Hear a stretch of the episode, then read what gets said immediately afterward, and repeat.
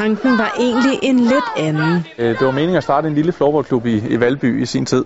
Men så var der noget med en fætter til et af medlemmerne, der boede på Vesterbro og som også gerne vil spille floorball. Så startede vi et hold op på Vesterbro, og Vesterbro-drengene synes det var ufedt at spille i Valby-trøjer og spille under Valbys navn. Og så var vi selvfølgelig nødt til at finde nogle farver til dem. Så lige pludselig så er vi i gang i hele København.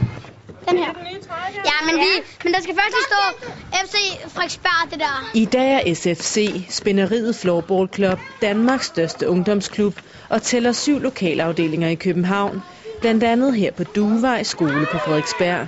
Jeg har en masse viden inden for floorball, som jeg kan give videre til en masse, der ikke rigtig kender i forvejen, men muligvis skal komme til at kende det, fordi sådan kommer jeg også selv ind i sporten. Altså. Her bruger 21-årige Alexander Sundsfjord størstedelen af sin tid på frivilligt at træne de her små størrelser. Han er en af de bedste. Jeg har altid sagt, at man skal hellere være fattig på øh, det, man gerne vil, end at være rig på noget, man ikke gider. Og det vil jeg altid helst. Kort sagt må Per Stærk erkende. Det greb bare om sig, og øh, nu, nu er det svært at give slip på. Det betyder blandt andet, at Per Stærk gerne bruger en fredag aften på praktiske gøremål. Det er ikke uvandt, at jeg lige har noget udstyr, eller en dommertrøje, eller, eller lige mangler nogle, nogle ting, der lige skal ordnes. På blot fem år er klubben vokset fra 0 til omkring 400 medlemmer og råder over 25 dommere og trænere. Adgangskoden til den succes er ikke så kompliceret endda.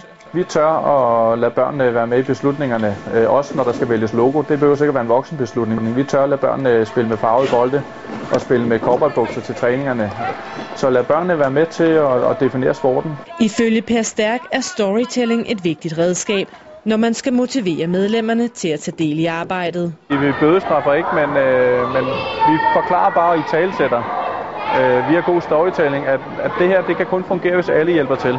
Og så når, når børnene fra start af, øh, især de unge mennesker her, U15'erne, har været med til at definere klubbens øh, vej, så føler de også, det er deres klub, og øh, har nok også en større åbenhed for at tage del i, i arbejdet. I må godt hæppe på jeres hold.